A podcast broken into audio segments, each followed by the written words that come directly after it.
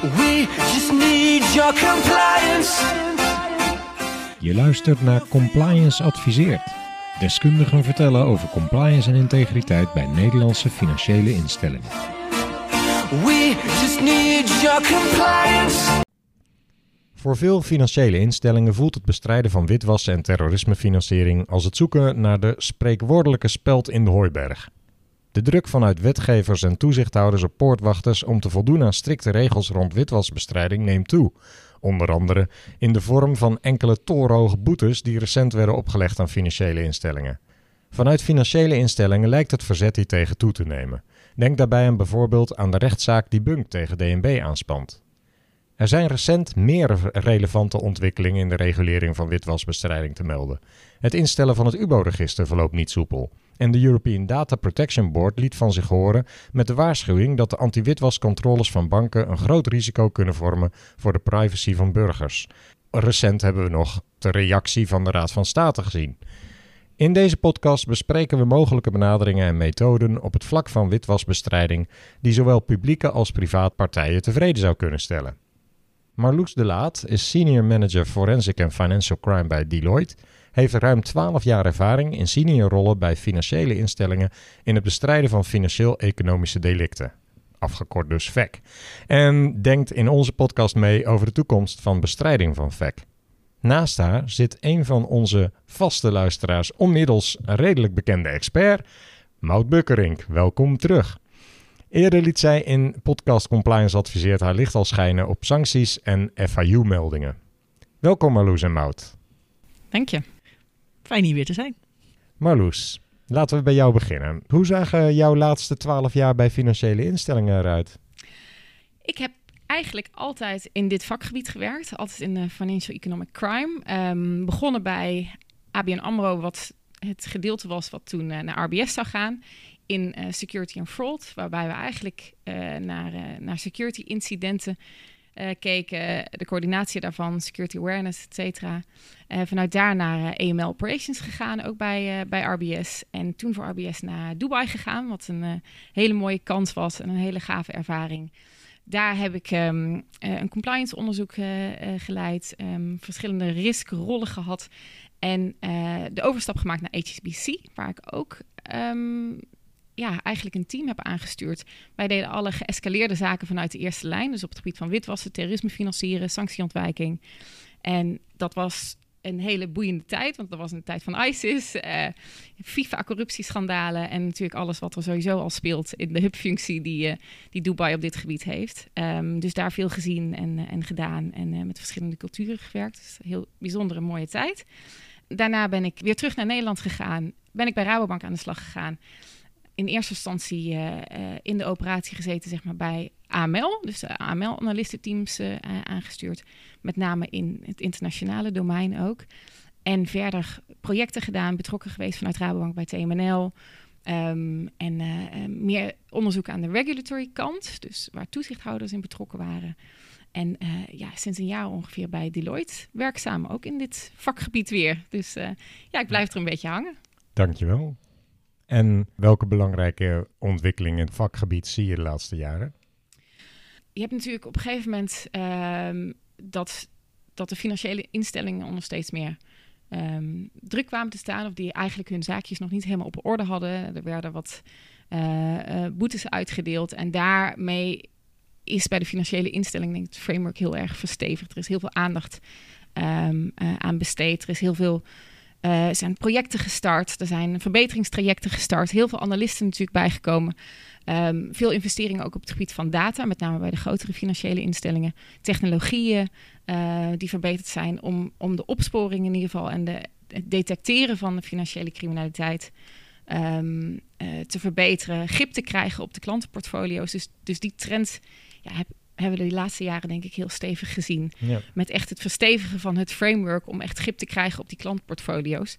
Um, ik denk, uh, ja, aangegeven door wat er gezien werd door de bank en natuurlijk uh, de, ja, de, de druk op WWFT compliance ook wel. Hoe staan ze er op dit moment voor, denk je? Nou, ik denk wel dat er een heel groot verschil is met, uh, met nou ja, hoeveel jaar geleden zouden, zouden we zitten. Maar um, ik denk wel dat eh, dat die banken ook wel steeds meer grip krijgen op hun klantenportfolio. En dat, weet je, er zijn natuurlijk ontzettend veel uh, uh, analisten en er is heel veel technologie bijgekomen om goed te kunnen monitoren. Um, maar daardoor is de positie nu ook wel sterk verbeterd, denk ik. Ja. En um, er wordt steeds meer nu geïnvesteerd in de juiste de modellen, een, buiten de, de scenario-based monitoring eigenlijk uh, die er is. Um, en dat zijn denk ik hele positieve ontwikkelingen. Het is, het is zeg maar ja, een goede ontwikkeling in de tooling, denk ik. Van, uh, Vooral dat, ja. Ja. Oké. Okay. Mout, welkom terug. Yes, Blij je weer hier te hebben. Reacties gehad op de eerdere twee podcasts die we maakten? Um, ja, nou ja, de laatste tijd met de sancties tegen Rusland natuurlijk wel weer uh, mensen die nog even weer naar de sanctiepodcast uh, luisteren. Dus dat uh, weer uh, wat, wat positieve reacties ook. Hè? Zo van, hey, en ook niet verwacht dat het al twee jaar geleden was opgenomen. Dat het heel recent of, of heel actueel nog steeds was eigenlijk. Leuk, leuk. Ja, ja. En uh, waar, wat is wat, hetgene waar je nu het meest mee bezig bent? Sancties ook dan? Sancties, nee, maar eigenlijk nog steeds alles binnen het vakgebied WWFT en sanctiewet. Uh, de, de SIRA, de, het beleid, uh, tot aan audits en banken, verzekeraars, crypto service providers. maar ook overheden, begreep ik. En ook inderdaad, ja, in, internationaal inderdaad. Hè, dus ja. toch nog steeds ook, of landen evalueren voor de Raad van de Europa, Europese Commissie. Dan wel toezichthouders helpen met het opzetten van ja, risicogebaseerd toezicht. Onvoorstelbaar wat veel. Ja, heel ja. veel inderdaad. en ook nog steeds heel leuk. Marloes, um, je droeg zelf het onderwerp voor deze podcast aan. Ja. Wat was precies jouw drijfveer om dit aan te brengen?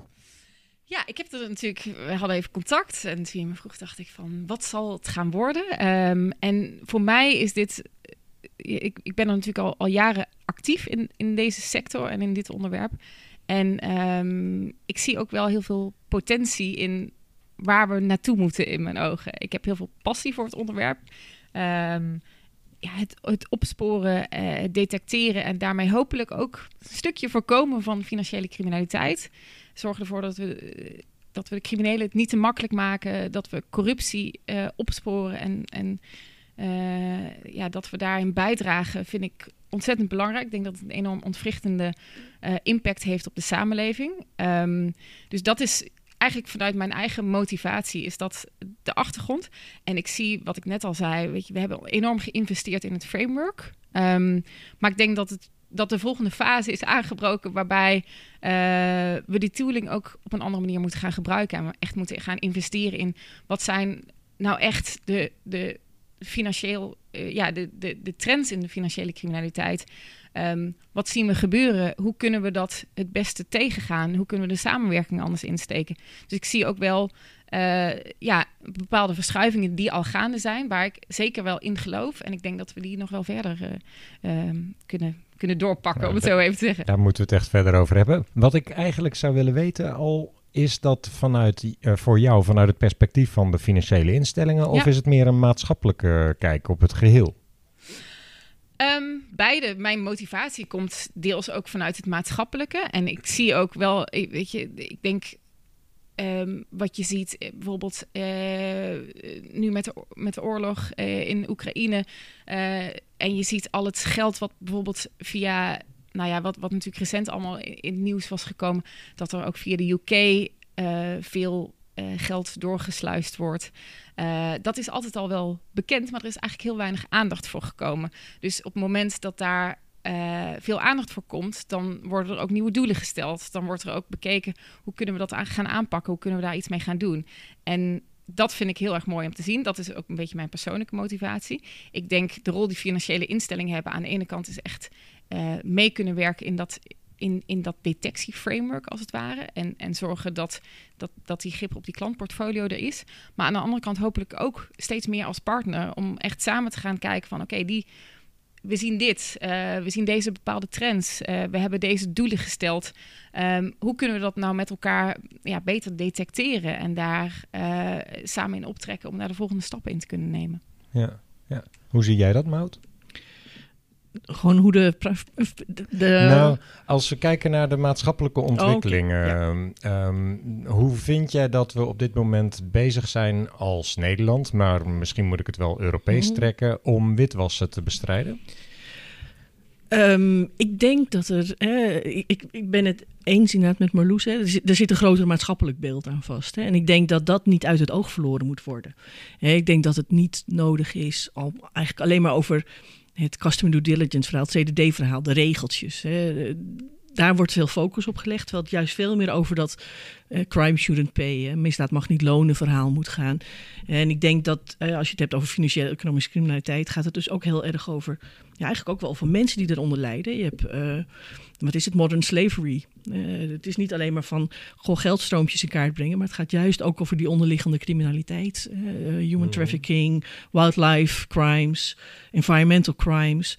Eh, en daar zijn echt gewoon slachtoffers. En ik denk dat dat niet uit het oog moet worden verloren. Dat Mhm. het gaat over een breder beeld van ja, misdaad mag niet lonen. Maar is dat dan echt een tegenstrijdigheid? Of is het zo abstract geworden dat we ons niet meer beseffen dat we met CDD eigenlijk bezig zijn om die slachtoffers te beschermen? Ja, ik denk dat het, dat het, dat het uit het oog is verloren. Hè? Zo van, oh ja, maar ehm, heb ik wel het juiste kopietje van het juiste document... en is het wel afgestempeld door de juiste persoon of iets dergelijks. Ja, hè? ja. In plaats van, waarom wil ik dit weten? Waarom wil ik deze klant, deze entiteit, waarom wil ik deze geldstromen weten? En dat is dus inderdaad die onderliggende criminaliteit... hè, en, ook, en, en niet beseffen hè, dat daar gewoon echt slachtoffers zijn. hè. Volgens mij is het ook wel in de relatie van drugscrime, eh criminaliteit gezegd van... hè, er zijn gewoon mensen die daaronder lijden. Hè. Dat is de geldstromen, maar je hebt verslaafde mensen. En nou, het, Ja. het vernietigt heel veel. Ja, ja. Als we nou naar alle partijen kijken die daar dan een rol in spelen, hoe werkt dat op dit moment, vinden jullie? Marloes, jij eerst? je hebt natuurlijk gewoon de financiële instellingen die, die hier een poortwachtersrol vervullen, een poortwachtersfunctie vervullen. Eh, maar soms is die, is die rol ook wel een beetje dubbel. Misschien, ik ben eh, ik veel ook betrokken geweest bij Londermat onderzoeken. Dus dat zijn eh, de onderzoeken die, die, nou ja, wat is het, vanaf eh 2014, ja, 15 zoiets. of zo in één keer boven kwamen. Ja. De Russian Laundromat, de Danske Bank, Trojka Laundromat. Waarbij eh, ja, eigenlijk via complexe structuren vanuit nou ja, Rusland, maar ook andere landen, Moldavië, et cetera. Litouwen, Latvia. Ja, precies. Ja. Nou ja, er werd in ieder geval ehm, eh, vanuit criminele organisaties, corrupte politici, et cetera, nou ja, geld witgewassen, geld verborgen, weggesluist. Daar zag je eigenlijk verschillende soort van func- functies die, die, die we als financiële instellingen ook hadden, eh, vond ik af en toe. Want je, je had vanuit het WWFT compliance ehm, eh, invalshoek, zag je dat er heel veel eh, nadruk gelegd werd over. We moeten al die signalen bij al die klanten moeten we goed onderzoeken. We moeten zorgen dat we weten welke klanten in aanraking zijn gekomen met dat geld, wat mogelijk dus, nou ja, eh witgewast is, et cetera. Ehm, maar vanuit de andere kant wilde je ook eigenlijk weten van... oké, hoe zit het hiermee? Op wat voor manier is het gebeurd? Wat zijn eigenlijk de tien grootste spelers? Op wat voor manier... of sorry, niet tien, hon- honderd of veel. Op wat voor manier doen ze dit nou? En toen, toen al die Londermats ontdekt werden... toen waren ze ook al historie. Want toen was het ook al vijf, tien jaar geleden gebeurd. Dus waar zijn die verschuivingen nou naartoe gegaan? Hoe gebeurt het op dit moment? En eh, die twee functies, als het ware... eh, die, ja, die, die moeten denk ik naast elkaar eh, bestaan. Dus van de ene kant heb je het nodig om als financiële instelling... heb, je, heb je nodig om, om je, je framework op orde te hebben. Maar aan de andere kant eh, zie ik ook wel meer potentie in echt die partnerrol die financiële instellingen dan kunnen hebben. Om echt samen met de publieke eh, ehm, partijen te kijken van oké, wat zien we nou? Waar zitten de risico's? Waar zijn de Mhm. verschuivingen gaande? Mhm. Hoe kunnen we nou ons onderzoek daarmee het beste inrichten? En wat is het doel van ons onderzoek? Wat willen we weten? Et cetera. Dus ja, ik, ik denk dat, je, dat financiële instellingen daarmee een dubbele rol hebben. Ik denk dat publieke partijen ook ontzettend, ja, misschien wel het belangrijkste zijn natuurlijk, maar vanuit de verschillende publieke partijen echt die samenwerking zoeken en heel gericht ook samenwerken met de private instellingen. Ehm, ja, dat dat gewoon heel cruciaal is in dit Hm? eh, vraagstuk. Nu eh, pik jij eh, de Russian Laundromats eruit. Wat, wat mij betreft ook een ontzettend belangrijke motivatie zou moeten zijn om dit soort praktijken tegen te gaan. Want die corruptie is echt onwezenlijk groot. Maar het is natuurlijk eigenlijk ook eh, wat er allemaal onder de WWFT aan eh, misdrijven wordt gevat, is natuurlijk nog veel breder eigenlijk. Hè? Ja. Overzien we het eigenlijk allemaal nog wel? Is het nog wel te doen met, met zoals we het nu doen? Hoe kunnen we zeggen of we effectief bezig zijn? Is dat mogelijk? Nee, en ik denk ook niet, eh, sowieso, hè, dat het is altijd een goede discussie om, om iets discussie dood te slaan. Laat maar weten dat het effect heeft. Hè, want het gaat gewoon niet in dit systeem. Nee. Hè, dus op het moment dat de journalist of academici zeggen van ik wil cijfers hebben dat het effect heeft, hè, of het effectief is dan wel hè, effect heeft. Ja, dat is altijd meteen goed om te zeggen van het werkt niet. Hè, want ja, je kan niet, die preventie zit er ook in. Hè. Het zit ook het voorkomen van witwassen. Dat zegt de wit, wet zelfs. Ja. Eh, dus dat kan je niet gaan meten. Wat heb je nou gestopt? Hè? Dus ik denk niet je- dat je kan zeggen van... Ja, je kan vragen, is het effectief? Maar er zitten zoveel actoren in, er zitten Ja. zoveel factoren in. Toch wordt een maatschappelijke discussie daar soms wel door ge- geleid eigenlijk. Van, we zijn niet effectief genoeg. Jullie zeggen eigenlijk, dat kun je niet eens zo stellen. Ik denk op deelgebieden wel. Hè. Ja. En, eh, Ik denk dat je best, best wel kan zeggen van... Goh, is het meldsysteem nou effectief? Is eh, CDD effectief? Is de opsporing effectief? Maar die hele keten... Hè, van inderdaad die poortwachter die een steeds grotere rol en verantwoordelijkheid krijgt. Van ja, ga jij maar eventjes nou ja, inderdaad modern slavery voorkomen. Ja, zo werkt het natuurlijk niet. Hè. Het is ooit opgesteld, het hele systeem, om die poortwachter, die financiële instelling, een rol te geven, omdat de politie het niet alleen kan. Hè? Want die heeft gewoon geen zicht op die financiële stromen. Nee, dat kan dat is- niet. Nee. Dat kan niet, nee. Ja. En dat is nu verlegd van, ja, die poortwachter moet alles maar oplossen. die moet het allemaal maar detecteren. Dat vind je te ver doorgeslagen. Voor mij is dat te ver doorgeslagen, inderdaad. Ja. Van, iedereen is een poortwachter. En eh, nou, iedereen moet dus maar eh, witwassen stoppen. Ik heb de indruk dat ik van alle experts die ik gesproken heb, heel veel motivatie om iets te doen aan de Oh ja. criminaliteit. En ja, dat is bij alle partijen, ook bij de publieke partijen aanwezig. Toch ontstaat in mijn optiek ook een beetje een strijdje van eh, we gaan naar de private partijen die naar de publieke partijen wijzen en andersom. Hoe zouden we dat moeten benaderen? ik denk, weet je, eh, dat we eh, effectieve en misschien soms ook wel kleinere doelen moeten stellen. Want waar we het net over hadden, die effectiviteitsmeting, weet je, om, om te, te kijken of iets effectief is, moet je ook weten wat het doel is wat je wil bereiken. En dat is ontzettend lastig met het voorkomen van witwassen of zo. Of, of het eh, eh, dat uit de wereld helpen en corruptie. Dat, dat is eigenlijk niet meetbaar. Maar je hebt zoveel deelvormen van criminaliteit. En jij noemde ook al die milieudelicten, die, die, eh, ehm, ja, waar hopelijk ook steeds meer aandacht voor komt. Als je heel gericht met elkaar gaat samenwerken op, weet je, wat, wat zijn überhaupt die milieudelicten? Hoe zouden we dat kunnen detecteren? En dan misschien in, in een soort van kleinere ja, samenwerkingsverbanden of, of gerichtere samenwerkingsverbanden of maar dan wel publiek-privaat. Ja, samen. dat denk ik wel, ja. En eh, En dan op fenomeenniveau, op hoe kunnen we doorgronden wat daar nou precies gebeurt? Of bedoel je ook op subjectniveau? Daar zit een verdachte en Ja. eh, daar gaan we informatie over uitwisselen. Ik denk dat dat beide kan als je maar met elkaar ehm, ja, een bepaald doel eh, nastreeft. Je hebt ook de, de terrorismefinancieringstaskforces bijvoorbeeld.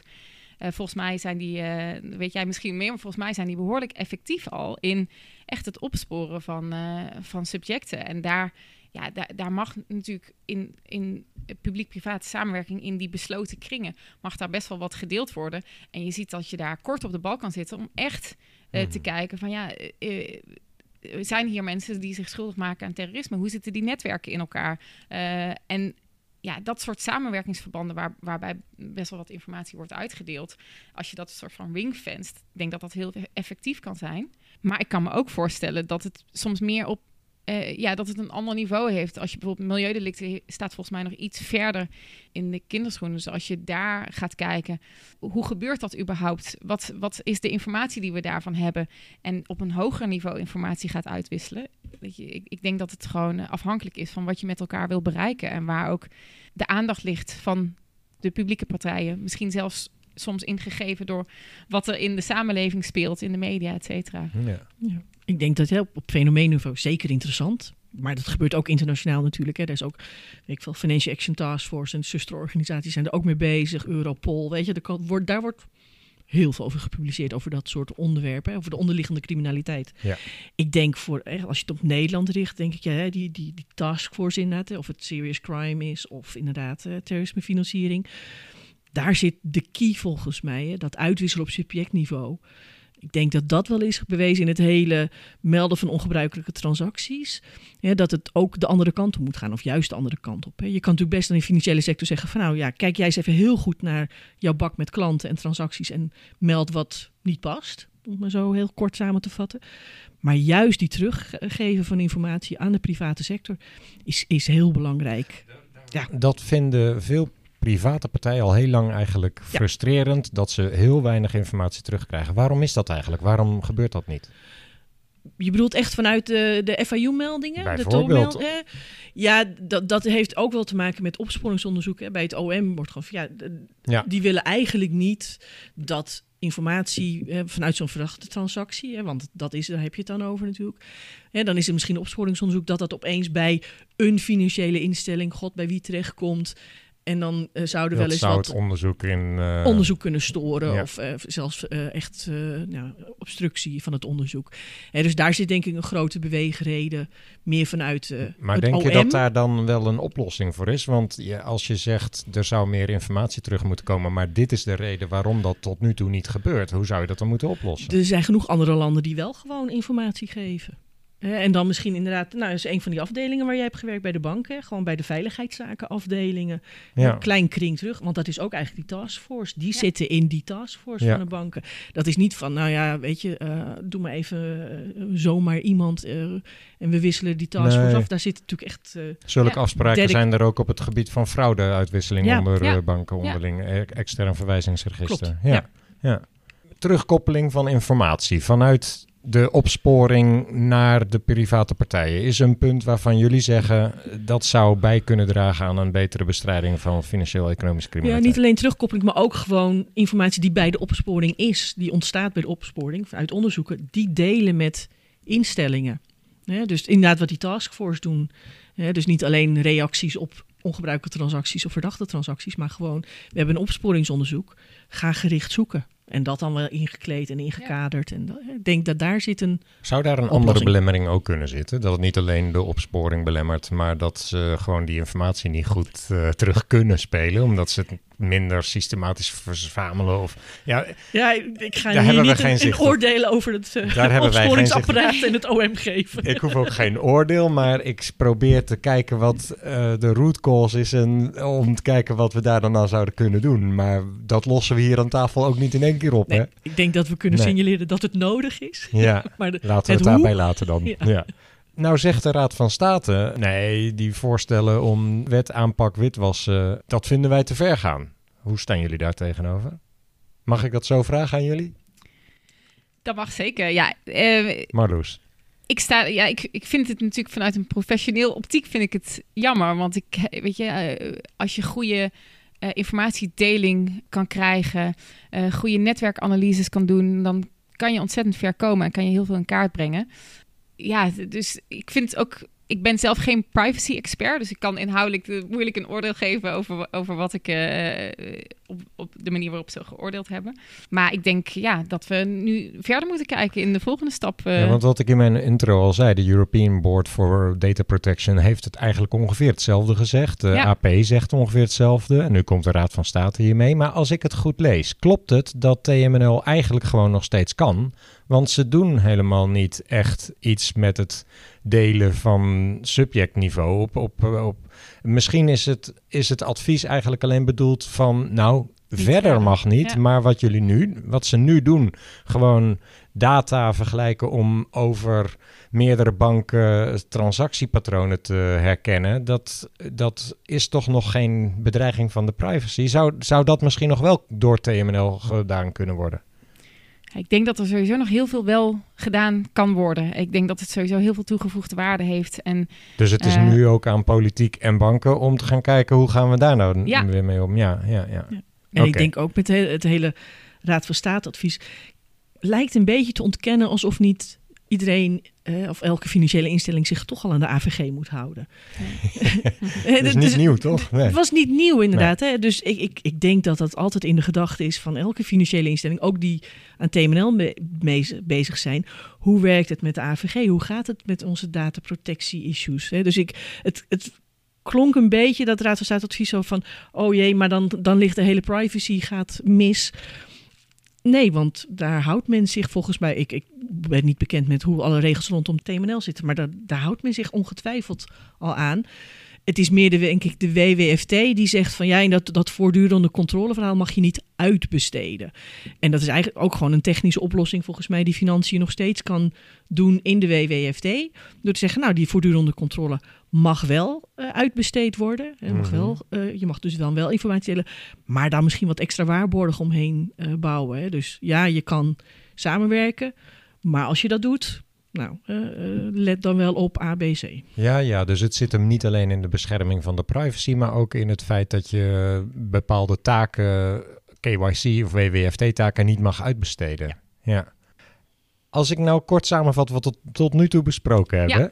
We hebben gezegd, er zou meer terugkoppeling vanuit de publieke partijen naar de private partijen kunnen op het gebied van die ongebruikelijke transacties. Hoe, wat wordt daar nou mee gedaan en wat kunnen we daar als private partijen nou precies van leren?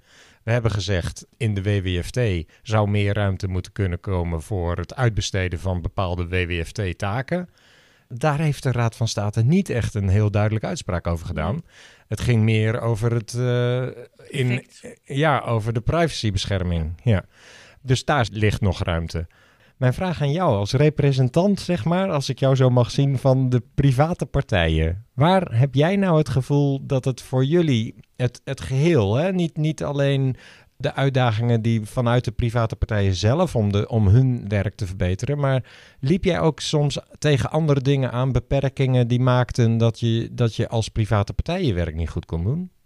Ja, ik denk dat die, dat die informatieuitwisseling en die samenwerking, waar we het al over hebben gehad, maar dat dat gewoon eh, in die zin cruciaal is om, om hierin bij te dragen in dit stuk. Je ziet natuurlijk altijd maar een klein stukje. Dus als je een groot fenomeen beetpakt, als het ware, ja, je ziet alleen de transacties vanuit een financiële instelling die je in principe zelf doet. En daar blijf je ook natuurlijk beperkt en dat meld je en dan is het klaar. Dus dan, dan zie je verder eh, niks meer. Dus de, de uitwisseling van informatie niet alleen maar op is deze melding effectief geweest of wat zijn de subjecten, ehm, maar ook op wat zijn trends. Weet je, hoe, wat, wat zien we verder gebeuren? Hoe kunnen we dat weer vatten, bijvoorbeeld in onze monitoring? Eh, we hebben een heel eh, KYC-framework als het ware opgezet. Maar dat is een to- tooling. Die moeten we natuurlijk wel levend houden door te voeden met nieuwe informatie, met trends, met informatie die we eh, van andere partijen weer zien.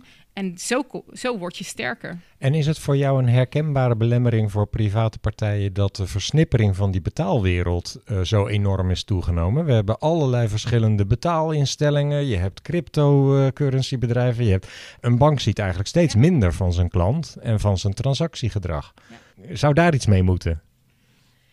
Ja. Ja, dan zit je eigenlijk ook weer in dat TMNL, hè, inderdaad. En maar Toch, dan hè? niet eh, in x aantal grootbanken, maar veel meer partijen uiteindelijk. Hè. En ik denk dat dat ook nog steeds dan die wetgeving is die het mogelijk maakt om tussen nou, eh, twee betaalinstellingen en een crypto en een bank eh, Informatie uit informatie te kunnen uitwisselen. wisselen. En hoe zou dat er dan ongeveer uit moeten zien? Want ik kan me wel voorstellen dat de Raad van State zegt: nee, het gaat te ver als we van alle Nederlanders allerlei gegevens bij elkaar gaan gooien. Hoe doe je dat dan? Zou dan een financiële instelling, een private partij heel duidelijk al moeten hebben gedetecteerd: hé, hey, hier is iets ongebruikelijks. En dan pas informatie over die.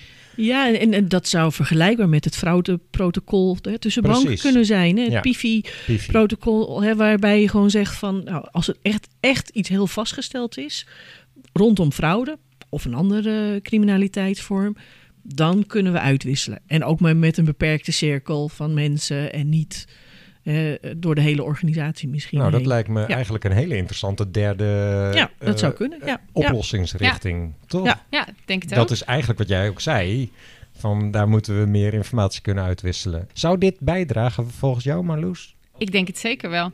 Ja, ik denk dat die informatieuitwisseling op verschillende niveaus heel belangrijk is. Dus zowel in de taskforces ehm, als ja, als je, als je die, die transacties en, en subjecten met elkaar kan uitwisselen en netwerken in kaart kan brengen, dan kom je in één keer zoveel verder.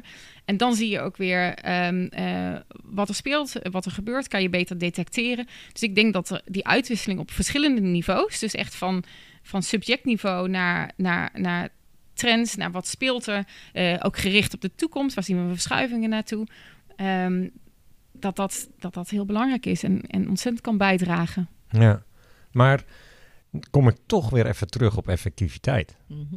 Ja. Want ergens wil toch de samenleving weten, gaan we nou, nou iets verbeteren? Waar verwachten jullie de verbeteringen dan? Waar kun je dat waarnemen? Ja, voor mij is dat dan toch weer uiteindelijk die meldplicht herzien. Daar gaat het voor mij om. Want nu is het gewoon ongebruikelijk en meld maar alles waarvan je enigszins het idee hebt dat het niet past bij het profiel van de klant. Eh, en dat zou je veel meer kunnen kanaliseren. Je zou dat kunnen verduidelijken van nou, we willen alleen dit soort transacties. Eh, het- OM heeft elk jaar eh, thema's. En de FIU volgt ook volgens mij die thema's dan. Nou, geef dat ook maar door aan alle partijen. Van wij vinden dit jaar vinden Dat we, gebeurt nu nog niet. Weet ik niet, denk het niet volgens mij. Zeg maar gewoon van, nou wij vinden wildlife trafficking eh, heel interessant. En inderdaad dan op fenomeen, fenomeenniveau van, dit zijn dan misschien wat karakteristieken die je kan zien in een transactie of in een bepaald klantprofiel. En daar willen we graag van hebben. En laat dan iedereen die net even, weet veel, 10.000 euro te veel stort, eh, maar eventjes zitten dit jaar. Zoiets dergelijks. Hè? Dat ze duidelijker aansturen waar ze aandacht op gericht willen Ja. hebben. Ik dacht dat de FIU op hun site wel af en toe... Gebruik je dat wel eens, Marloes, vanuit private partijen? De input vanuit de FIU? Ja, zeker. Ja. Ja, nee, dat wordt zeker ook wel gebruikt. Ehm, Hoe sturen jullie je nu op dit moment dan op eh, wat, wat je belangrijk vindt om op te kijken? wat ik zie een beetje in de sector is dat het net toch nog best wel breed is. Dus er is natuurlijk heel veel ontwikkeling ook op het gebied van technologie. eh, ook op, op het gebied van die modellen. En, eh, Ja, dan heb je het over de regels bijvoorbeeld die je inricht in de transactiemonitoringsystemen en dergelijke. ja, dus je hebt de regels. eh, dus echt het, het transactiemonitoring, het post-event transactiemonitoring met de regels. En je ziet ook een, een trend waarbij allerlei modellen, eh, artificial intelligence, eh, Automated learning, ja. Precies. En die moeten ook van input voorzien worden, als het ware. En daar kan je dan ook wel gerichtere doelen Ja. Eh, bij formuleren, waarbij je dan ook een bepaalde effectiviteitsmeting kan doen. En ik denk Ja, wel, ja. eh, eh, data en effectiviteitsmeting zijn heel waardevol, maar ja, je, het moet ook wel in de juiste context en met de juiste, in het juiste frame als het ware geplaatst worden. Het is niet een doel op zich, maar ik denk als je ja, gericht heldere doelen formuleert en daar ook effectiviteitsdoelen en, en metingen aan verbindt, dat je dan echt nog wel wat kan doen, zeg maar. dat je dan ook echt nog wel wat, wat kan meten. Nou hebben we het over financieel-economische criminaliteit. Maar we kennen ook nog een andere betekenis voor de afkorting VEC. Dat is de VEC van het Financieel Expertisecentrum. En die hebben ook een PPS, noemen ze dat. Is dat ongeveer, dat, daar ben je bekend mee met dat eh, fenomeen? Ja. Ja? Eh, is dat waar je op duidt? Zou dat uitgebouwd moeten worden? Of komt dat nog tekort dan? Is dat niet voldoende al wat daar gebeurt? Ik denk dat dat een hele positieve ontwikkeling is. Dus ik denk ook wel dat er al een hele hoop gaande is die deze kant op aan het bewegen is. En dat vind ik zelf heel goed en positief om te zien. En ik denk ook wel dat we daar eh, eh, stappen in aan het maken zijn. Ik denk dat we dat nog verder kunnen uitbreiden en eh, misschien in de breedte kunnen trekken. En eh, Ja, want dat is nu nog een te beperkt kringetje of zo. Of te weinig projecten. Of... Ja, ik, ik- hè, inderdaad, het zijn twee projecten volgens mij. Serious Crime en eh terrorismefinanciering. Oh, En daar zitten iets van vijf, zes banken of zo bij, eh, partijen. eh, wat wel de grote zijn, hè? dus ik denk het marktaandeel wel super groot is. En je hebt die Fintel Alliance natuurlijk ook, Ja. waar heel concreet wordt eh, samengewerkt. Daar weet ik eerlijk gezegd niet welke banken daarbij zitten. ik ook niet zo uit mijn hoofd. Nee. nee. Maar ik denk dat je dat zeker breder kan trekken. Ik denk dat er van alle meldplichtige instellingen of WWFT-instellingen, hoe je het wil noemen, dat zijn er zoveel dat je ook nog wel kan zeggen van hé, maar we vinden ook, eh weet ik veel, vastgoed heel interessant. Dus we gaan ook notaris en makelaars eh, iets voor opzetten hè, om, om daar eh, te Ja. delen. Bij- Ja. Bijvoorbeeld, hè, is Ja. maar een, een voorbeeld. Ja, want dat is, nu breng je me op Ja. een vraag. Ehm, we hebben heel veel nadruk gelegd steeds op private partijen. Eh, dat zijn eigenlijk altijd de banken als, daarover, als we het daarover hebben. Hebben we wel voldoende aandacht voor alle andere betrokkenen die in de private sfeer ook een poortwachtersrol volgens de WWFT vervullen? Ehm, ik denk hè, dat op alle partijen wel nadruk ligt. Hè, dat dat niet zo is dat advocaten worden vergeten of dat makelaars worden vergeten. Maar inderdaad, in dat soort publiek-private samenwerking zie je de focus op de banken, omdat toch financiële geldstromen nog steeds wel key zijn, inderdaad. Eh, en ook omdat het duidelijker is om natuurlijk te zeggen van nou, we, deze grootbank of deze partij gaan we nu betrekken. In plaats van, goh, hoe gaan we nou een paar duizend makelaars eh, even in een publiek-private samenwerking betrekken. En dan wordt het de NVM bijvoorbeeld, of een andere eh, nou, samenwerkingsverband van makelaars. Eh, Even als voorbeeld weer de makelaars. Maar die hebben dan weer niet de klantinformatie. Dus ik denk dat, het, eh, dat die zeker wel zouden moeten worden betrokken, maar dat het hoe nog wel even iets is om over na te denken. Ja, er zitten toch nog wel aardig wat uitdagingen. We Ja. hebben een paar oplossingsrichtingen besproken, maar hoe zie jij dat vanuit een bank? Hè? Want dat is toch de, wa- van het perspectief vanuit welke jij de wereld bekijkt eigenlijk. Heb je dan ook veel samenwerking zoek je of, of met notarissen, advocaten, accountants? Zoek je wel eens met hen ook de samenwerking op om te zeggen, goh, ik zie deze transactie, wat moet ik hiermee? Nou, dat is best wel lastig eigenlijk. Dus dat kan ook vaak niet zomaar. Dat je echt de samenwerking zoekt of zo. Dus, dus eigenlijk meer vanuit een klantrelatie kan je natuurlijk wel vragen stellen. Maar echt de samenwerking zoeken kan vanuit, ja, kan vanuit een financiële instellingen is, is gewoon echt wat complexer. En ligt daar wel een kans of zie je die niet zo? Ehm, ik, ja, ik denk dat, dat dat toch vanuit publieke partijen dan geïnitieerd zou moeten worden. En Misschien ook in dat vak. Ja, bijvoorbeeld. Ja, ik, ik weet niet goed wat de constructie, eh, wat de beste constructie zou zijn. Maar ik kan me best wel voorstellen dat je eh, gericht sectoren kan eh, betrekken. Volgens mij zijn er best wel wat sectoren die. ehm eh, sommige die, die, die de meldplicht gewoon hebben, maar andere waar, waar misschien wel veel misbruik gemaakt wordt door, door criminelen. Ehm, ja, daar zou je denk ik gericht echt nog wel wat kunnen bereiken door te kijken van wat gebeurt er nou in die sector en op wat voor manier kunnen we ze misschien wel betrekken om daar iets mee te doen. Ehm, dus ik, ja, ik kan me voor- zeker voorstellen dat daar nog goede kansen liggen. Ja. Dat, eh, dat zeker. Oké. Er liggen natuurlijk ook een heleboel ontwikkelingen op Europees niveau. We, we kunnen ons niet beperken tot alleen Nederland, want dan bestrijd je ook eh, de, de Russian laundromat niet echt effectief mee, lijkt mij. Nou, is er sprake van dat er een EMLE, een Anti-Money Laundering Authority, wordt opgericht in Europa. Hoe staan jullie daar tegenover? Mag ik eh Mout eerst het woord geven? Ten eerste, AMLA gaat zich alleen maar richten voornamelijk, hè, even voor direct toezicht, op banken en financiële instellingen die in meerdere lidstaten zitten met een bepaald risicoprofiel. Eh, volgens mij voor heel Europa richten ze zich misschien op 20, 25 instellingen. Dus dat is best wel weinig. Vallen daar ook Nederlandse instellingen onder? Ja, ik weet niet. Ik, ik kan me misschien nog niet eens een handvol verzinnen die in meerdere lidstaten zitten en een hoog risicoprofiel hebben. Dat zijn er misschien echt heel weinig Ja. eh, op Nederlands niveau. Dus, dus dat is hun directe toezicht. Indirect, nou krijgen ze natuurlijk wel alle paar honderdduizend partijen in Europa indirect onder zich, hè, via de, de nationale toezichthouders. Dus ik denk dat hè, het directe toezicht, ja, dat zal heel leuk zijn voor een aantal grootbanken die eh, daar direct onder gaan vallen. Maar op nationaal niveau blijft gewoon Dat verandert voor ons niet Nee, veel. tenzij inderdaad eh, wordt gezegd van nou we willen niet meer zes WWFT-toezichthouders hebben, we gaan ze comprimeren bij eentje, want het is efficiënter om die samenwerking met die AMLA te doen. Maar dat is mijn fantasie hè, dat dat zou kunnen. Ja, ja, we gaan het Ehm, zien. De, ehm, dus ik denk die AMLA, ja, dat, dat, dat gaat pas echt effectief worden in 2026. Er komen wel heel veel regels natuurlijk vanuit die AMLA, waar alle toezichthouders zich aan moeten houden. Maar hoe sta je daar tegenover? Je kijkt me aan van, ik weet niet, dit is zorgelijk. niet- ja, weet je, eh, ik, ik zie toch heel veel, juist waar we het juist over hebben, die, die samenwerking, dat is heel veel op risico gebaseerd. Hè. Welke focus willen we hebben? Wij vinden terror- terrorismefinanciering belangrijk. We vinden bepaalde grote criminaliteit belangrijk. En dan krijg je vanuit Europa een, een toezichthouder die gaat zeggen van... ehm, dit moet je allemaal van een uiteindelijk belanghebbende allemaal op papier hebben staan. En dat is ook die, die, die, die data protection board. Waar je, dan krijg je checklistjes. En dan krijg je een handboek van 400 pagina's voor nationale toezichthouders, wat ze allemaal moeten controleren.